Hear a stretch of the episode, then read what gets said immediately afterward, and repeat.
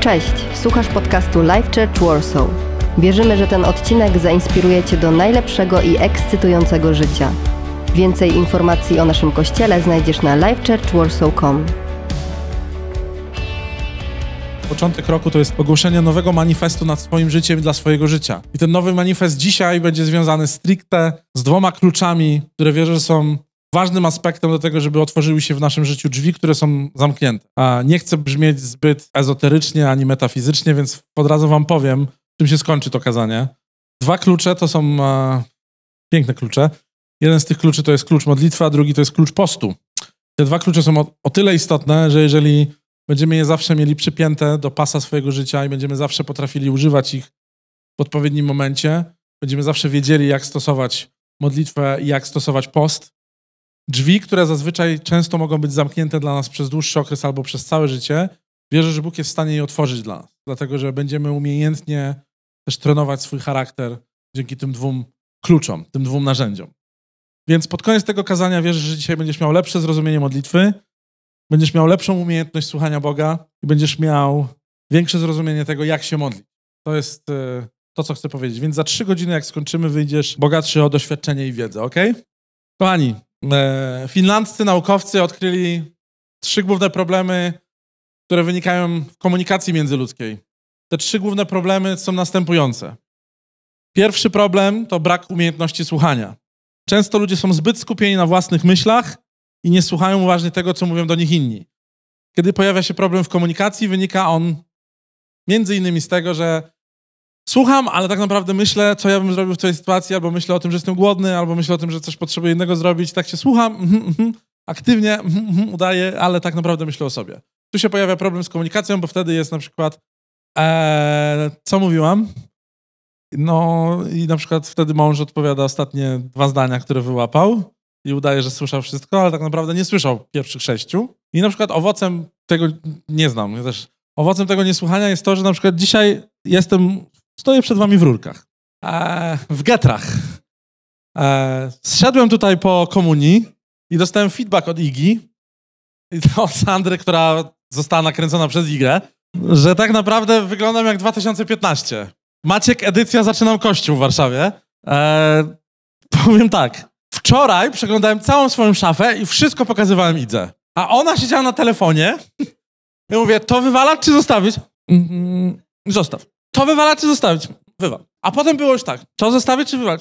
A pokaż jeszcze raz, nie słuchała mnie. Problem w komunikacji dzisiaj kończy się pas, ponieważ wyglądam jak po prostu członek, nie wiem, zespołu z 2015 roku, nie mam pojęcia jakiego, ale załóżmy, że tak wygląda, no nieważne. Pierwszy problem w komunikacji międzyludzkiej to brak umiejętności słuchania Iga. Drugi problem to brak empatii. Trudno jest dobrze komunikować się z kimś, jeśli nie rozumiemy jego perspektywy i nie jesteśmy w stanie wczuć się w jego sytuację jeżeli nie chodzimy w butach tej drugiej osoby, jeżeli nie staramy się wczuć w życie tej drugiej osoby, zrozumieć sytuacji, która się wydarzyła, wszystkich elementów składowych, jest nam bardzo trudno być często empatycznym. Bo łatwo jest kiwać głową i mówić, o, jak mi przykro. Wiecie, ja niestety w swoim życiu już doświadczyłem wielu pogrzebów, na których byłem. I najgorsze jest to, że po prostu nie znamy często całej historii spowodowanej długofalową chorobą u jakiejś osoby. Często pojawiamy się i czujemy ból, atmosferę bólu, która się tam pojawia. Cierpienie bliskich spowodowane odejściem choroby, osoby, która cierpiała na długo, długofalową chorobę. Ale jesteśmy tylko w jakimś ułamku momentu, który po prostu został wyrwany z kontekstu. Często nie jesteśmy w stanie ponieść całego bagażu empatii, a wypadałoby, żebyśmy rozumieli trochę ludzi wokół nas lepiej. Wypadałoby, żebyśmy przeżywali rzeczy, które są może trudniejsze, które są nie z naszej bajki, ale chcielibyśmy je lepiej zrozumieć. To jest klucz do lepszej komunikacji. Trzecią rzeczą, którą odkrywają finlandzcy naukowcy, podsumowując problemy w komunikacji międzyludzkiej, pierwszy to brak umiejętności słuchania, drugi to brak empatii, a trzeci brak klarowności. Trudno jest zrozumieć, co ktoś ma na myśli, jeśli jego komunikaty są niejasne lub nieprecyzyjne. Jeżeli nie jesteśmy przygotowani, jeżeli nie wiemy, jak wytłumaczyć coś w prosty sposób, jeżeli zawijamy cały czas temat i oscylujemy wokół tego samego, ludzie po prostu nie za bardzo rozumieją, o co chodzi. Um, ja znam takie osoby, które po prostu nie potrafią dobrze mówić i też próbują opowiadać o swoich potrzebach naokoło. I wtedy jest takie polskie hasło do brzegu i prosisz tą osobę, żeby jednak sfinalizowała swoją wypowiedź, żebyśmy mogli zrozumieć sens tego, co ma na myśli, żebyśmy mogli zrozumieć sedno problemu. A często słyszymy całą historię naokoło. I to też jest problem w komunikacji, bo nie wiemy i nie znamy dokładnego, dokładnej treści wypowiedzi. Umie brak umiejętności słuchania, brak empatii, brak klarowności. To są trzy rzeczy, które są również ważne, jeżeli chodzi o nasze życie modlitewne, bo one tak naprawdę wpływają na nasz sposób myślenia o tym, jak mamy się modlić, jak możemy zwracać się do Boga. Pierwszy werset, który mam dla Was dzisiaj, to Mateusza 7:7. Proście, a będzie Wam dane, szukajcie, a znajdziecie, kołaczcie, czyli współczesne pukajcie kołatką, takim metalem zawieszonym, a otworzą Wam. Kiedyś drzwi były bardzo grube, nie robiono takich beznadziejnych drzwi, jak dzisiaj w Leroy Merlin za 200 zł, cienkiej dykty, że jak puknie, to wypadają. Ktoś pamięta łazienki na Górczewskiej? Kiedyś drzwi były naprawdę ważnym elementem bezpieczeństwa domu i były grube i potrzebne, były, potrzebne było specjalne urządzenie, które można było zatrudnić do kołatania w te drzwi. Ale ten werset mówi o tym, Jezus nas uczy właściwie z tego wersetu, że modlitwa jest skutecznym sposobem na otrzymanie tego, czego potrzebujemy. Modlitwa jest skutecznym sposobem, innymi słowy, jest sposobem na sukces w naszym życiu, na to, żebyśmy mogli otrzymać to, czego potrzebujemy. Jezus mówi: proście, a będzie wam dane. Ilu rzeczy, o ile rzeczy nigdy nie poprosiłeś Boga? O ile rzeczy się nigdy nie, pom nie pomodliłaś, nie pomodliłeś, bo pomyślałeś sobie to głupie. Czasami robimy rzeczy nie prosząc, ale większość rzeczy w naszym życiu, kiedy jesteśmy w relacji ja-Bóg, one są bardzo zależne od naszej umiejętności rozmawiania z Bogiem, od naszej umiejętności komunikacji z Bogiem. I dzisiaj Rzucam wam challenge, bo jesteśmy pokoleniem challenge'y. Rzucam wam challenge, żebyście zaczęli prosić Boga o rzeczy niestworzone dla swojego życia. O rzeczy, które są wręcz niewyobrażalnie trudne, może nawet nieosiągalne z ludzkiej perspektywy. Bo ja przez lata uczyłem się prosić tak, jak Jezus uczy nas, żebyśmy prosili, żeby było nam dane. Więc ja w mojej modlitwie mówię, Boże, proszę Cię o coś, co jest niemożliwe i od dwóch lat widzę owoce tych modlitw. Czasami to nie są oczywiste rzeczy. Czasami trzeba być w centrum burzy na łodzi z Jezusem, kiedy Jezus śpi, jest spokojny, a wokół ciebie szaleje burza okoliczności, ale prosisz Boga o coś i Bóg w odpowiednim momencie, nigdy się nie spóźniając, zawsze wstaje i łagodzi tą burzę. I tak było w zeszłym roku, tak jest w tym roku. Wierzę mocno w to, że Bóg odpowiada na modlitwy, bo kluczem, kluczem w komunikacji jest proszenie. Mam potrzebę, proszę. Mam taką traumę związaną pobytem, z pobytem w Karpaczu. Jak byłem małym chłopcem, to bardzo lubiłem frytki. Nadal lubię. Ale pamiętam, że moja trauma była związana ściśle z tym, że wstydziłem się poprosić o ketchup. Pamiętam, że miałem takie ulubione miejsce i byłem z mamą w Karpaczu i z moją siostrą młodszą. Chodziliśmy sobie i, i takim przysmakiem moim były frytki z ulicy. Takie pan sprzedawał w budce. Nie frytki leżące na ulicy, tylko frytki... Och, David, naprawdę. Street food, man. Karpacki street food. Więc podchodziłem i po prostu moja mama mówiła frytki. Proszę, ten pan nakładał te frytki, robił, dawał. Ja zawsze widziałem ten, wiecie, byłem niższy, więc to lśniące czerwone opakowanie z plastiku, pojemnik z ketchupem. Bałem się zapytać. Jakby dzieci mają różne dysfunkcje. Moją dysfunkcją jako bobasa siedmioletniego, może sześcioletniego było to, że nie potrafiłem czasami otworzyć buzi w odpowiednim momencie i poprosić o ketchup jak mówi moja córka, o kepacz. Kepacz do frytek. W tym roku chciałbym poprawić twoją komunikację z Bogiem, rzucając proste hasło, po prostu proś. Po prostu proś w każdej potrzebie i mów Bogu rzeczy niestworzone na temat swoich marzeń i pragnień, bo moja córka na przykład mówi, że jest królową Arendelle i czy mogłaby dostać za tydzień dokładnie jednorożca. Czy to jest okej? Okay? Mówię, że nie ma problemu. Nie była precyzyjna na tyle, żeby powiedzieć, czy to ma być żywy, czy sztuczny jednorożec. Nie ma problemu kupię po prostu sztucznego. Ale chodzi o to, że, chodzi o to, że dzieci nie mają problemu z komunikacją swoich potrzeb. Nie mają problemu z komunikacją swoich pragnień. Jeżeli mam jakąś głęboką prośbę do mojego kochanego kościoła na początku tego roku, to to, żebyśmy byli odważni w swoich prośbach. I moją modlitwą odważną jest to, żeby Bóg dał nam budynek, który będzie przewyższał nasze potrzeby, nasze wyobrażenie, który stanie się centrum, centrum miłości, centrum łaski, ale wierzę mocno w to, że możemy prosić Boga o permanentny dom na najbliższe kilka lat, żebyśmy mogli podwoić, potroić, poczworzyć liczbę ludzi, którzy doświadczają Chrystusa, małych dzieci, nastolatków, studentów, starszych osób. Co by się stało, gdyby ludzie z Twoich studiów, miejsca pracy, co by się stało, gdyby Twoi koledzy geeki nerdy, klienci w swoim świecie metaversów i wirtualnej rzeczywistości, programowania UX-ów, pisania w Pythonie, przyszli do tego kościoła i stwierdziliby, że Jezus jest ważny dla nich. Co by się stało, gdyby nasi przyjaciele artyści, muzycy, twórcy muzyczni zobaczyli, że wszystko, co mają, cały swój talent i dar, tak jak Dawid, jest dzięki Bogu i tylko dzięki Niemu. Bóg dał mu platformę do tego, żeby mógł śpiewać i kochać ludzi, którzy potrzebują światła i nadziei. Co by się stało, gdyby ludzie mogli zobaczyć coś nowego? To są marzenia, które możemy prosić. Możemy prosić Boga o niestworzone rzeczy. To jest pierwsza rzecz. Druga jest taka, że w tym wersecie Jezus zachęca nas do szukania i poszukiwania prawdy i Boga. Według tego wersetu, jeśli będziemy szukać, to znajdziemy to, czego szukamy. Skąd wiesz, jaka jest prawda? Prawda przychodzi do ciebie objawiona przez dwie bardzo ważne rzeczy: przez Słowo Boże i przez modlitwę. Kiedy czytasz Słowo Boże i prosisz Boga o to, żeby pokazał ci prawdę na temat jakiegoś tematu w twoim życiu, Bóg ci pokaże tą prawdę. Jeżeli zaczynasz się też modlić, czytając Słowo Boże, mówić, Boże, jaka jest prawda? W którą stronę mam iść? Co jest prawdą? Co jest zdrowe, a co jest niezdrowe? Co jest chore, a co jest dobre? To Bóg będzie ci pokazywał tą prawdę. Najgorsze są dyskusje z ludźmi, którzy nie znają prawdy i nie szukają tej prawdy, ale sami wierzą, że są prawdą. Chcę ci powiedzieć tak, twoje doświadczenie nie jest wyznacznikiem prawdy. Twoje emocje nie są wyznacznikiem prawdy. Jedynym standardem prawdy, który buduje człowieka i buduje zdrowego człowieka od lat, człowieka, który jest w stanie poświęcać się i kochać, jest Słowo Boże. I kiedy jesteśmy w modlitwie, mamy szansę na odkrycie prawdy, która jest często zasłonięta przed nami. Wiecie, dzisiaj ludzie bazują na filozofii, dzisiaj ludzie bazują na odkryciach naukowych, dzisiaj ludzie bazują na wielu rzeczach, które są cudowne i użyteczne. Problem jest taki, i to mówiłem ostatnio, że nauka nie daje nam odpowiedzi na pytanie dlaczego. Nauka daje nam tylko, i filozofia często daje nam odpowiedź na pytania, jak coś działa, jaki jest tok logiczny albo myśleniowy, albo jak człowiek w miejscu A może znaleźć się w miejscu B, ale nie tłumaczy nam dlaczego wielu rzeczy.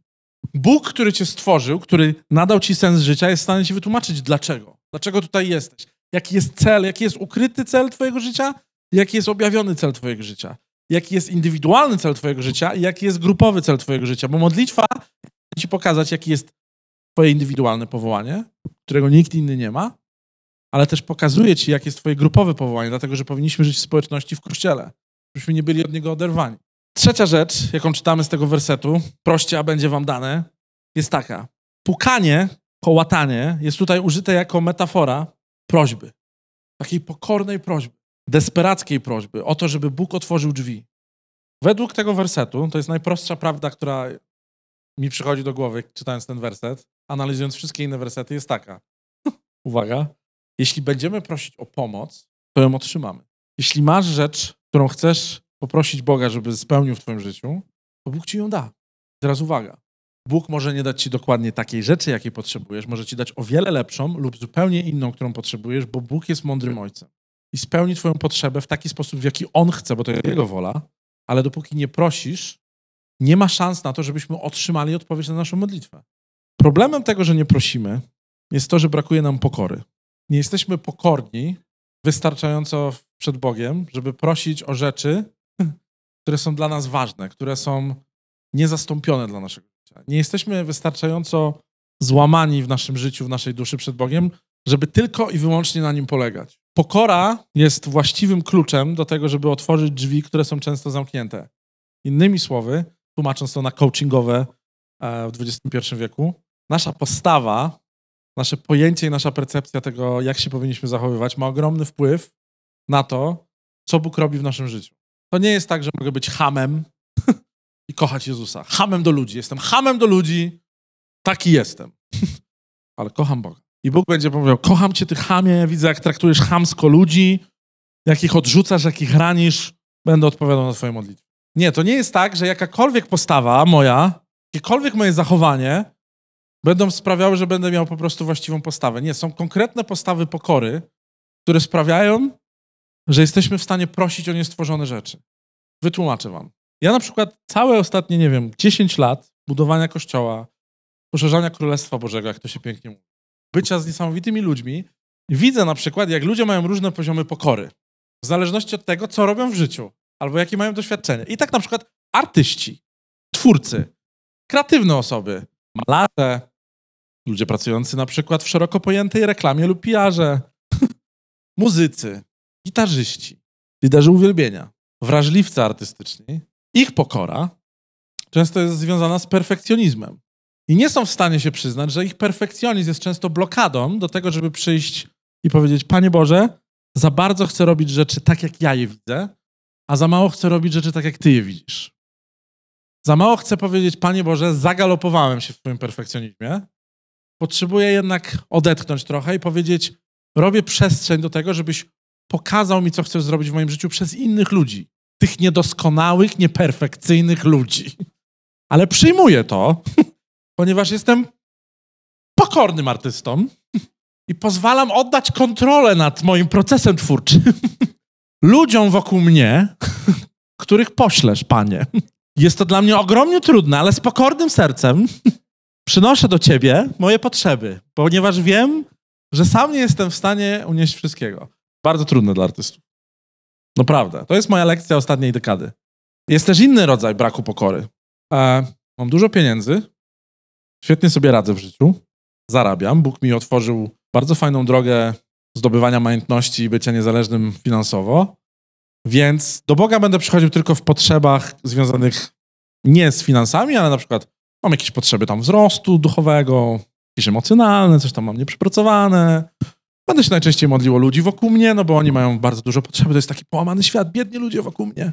I nie będziemy uzależniać siebie od Boga, ponieważ finansowo jesteśmy ok.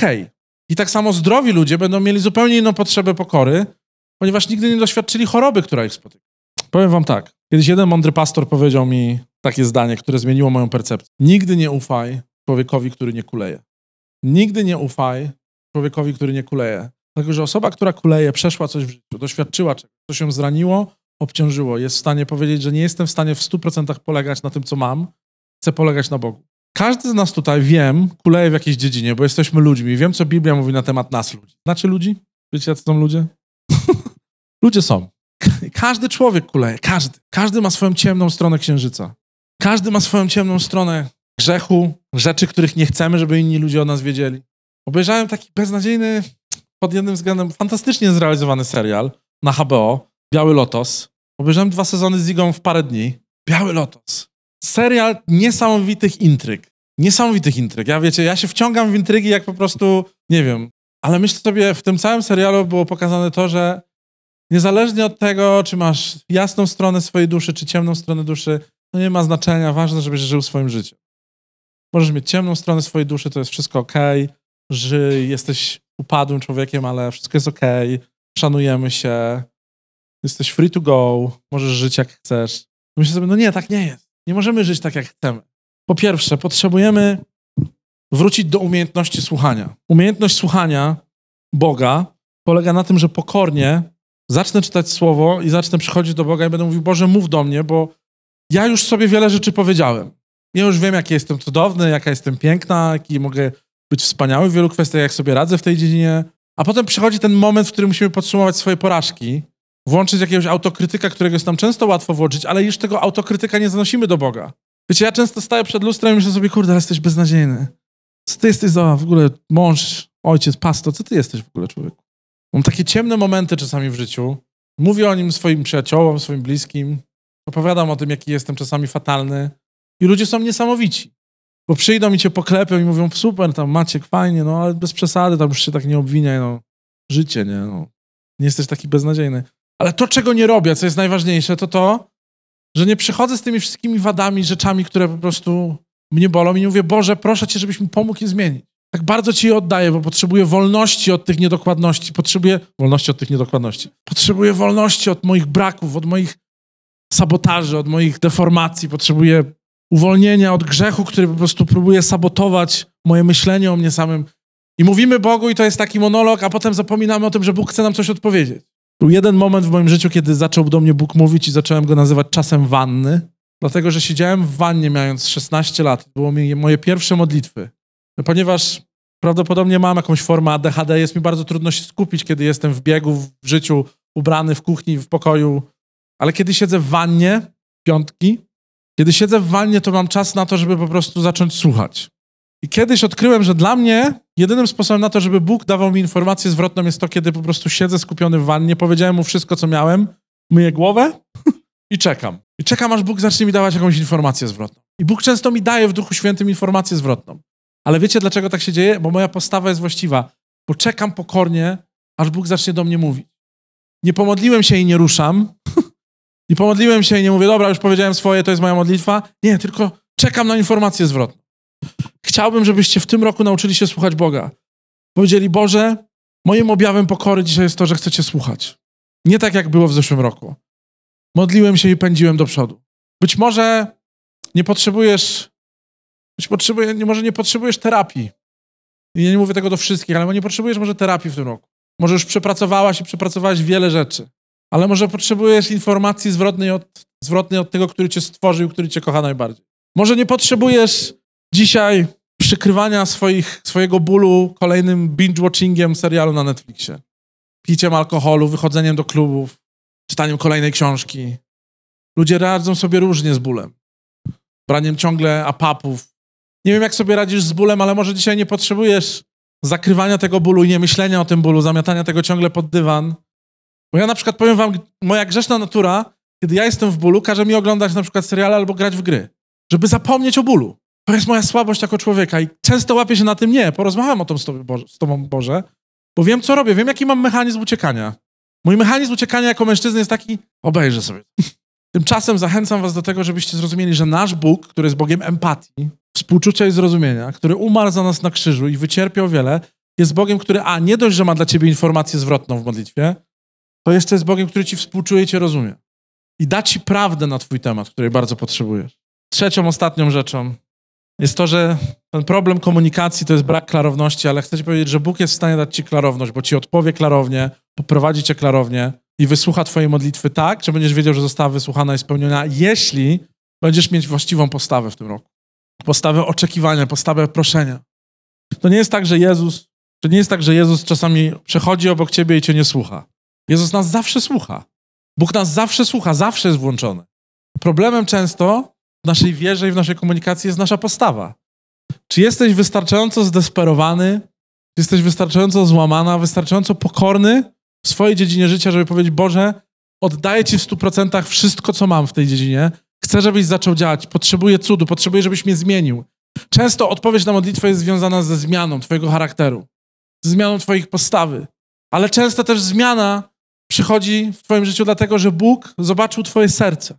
Piękny werset Wozeasza nim zakończę, który mówi o tym, że Bóg nie potrzebuje naszych praktyk, naszego religijnego kłaniania się pięć razy dziennie przed Bogiem, ale potrzebuje naszego serca, które jest mięsiste i które prosi w pokorze i rozmawia z nim. Wstańmy, Kościele, zaśpiewamy. Zaśpiewamy ostatnią piosenkę, niech będzie ona naszą modlitwą, ale moje pytanie dla ciebie jest takie. Gdzie potrzebujesz być pokorna? Gdzie potrzebujesz być pokorny? Gdzie potrzebujesz oddać Bogu rzeczy, które wiesz, że są zablokowane? W jakiej dziedzinie życia nie prosisz Boga, bo uważasz, że sobie świetnie radzisz? Chciałbym Cię dzisiaj prosić o to, żebyśmy przez najbliższe pięć minut, kiedy będziemy śpiewać i modlić się na zakończenie, przynieśli te rzeczy do Boga i powiedzieli: Boże, to Ci oddaję. Tutaj potrzebuję Twojej informacji zwrotnej. Tutaj potrzebuję, żebyś mi odpowiedział na moją modlitwę. Potrzebuję Twojej klarowności. Wiem, że jesteś Bogiem empatii. Wiem, że mi współczujesz i mnie rozumiesz. Oddaję Ci kontrolę nad tą rzeczą, bo Ty jesteś moim stwórcą i potrzebuję, żebyś wziął tą rzecz i odpowiedział na nią. Kościele, zachęcam Was, niech to będzie nasza modlitwa teraz w uwielbieniu. Mamy nadzieję, że ten odcinek Cię zainspirował. Nowe odcinki ukazują się co tydzień. Pamiętaj, że możesz odwiedzić nas w każdą niedzielę, a więcej informacji o naszym kościele znajdziesz na livechurchwarsaw.com.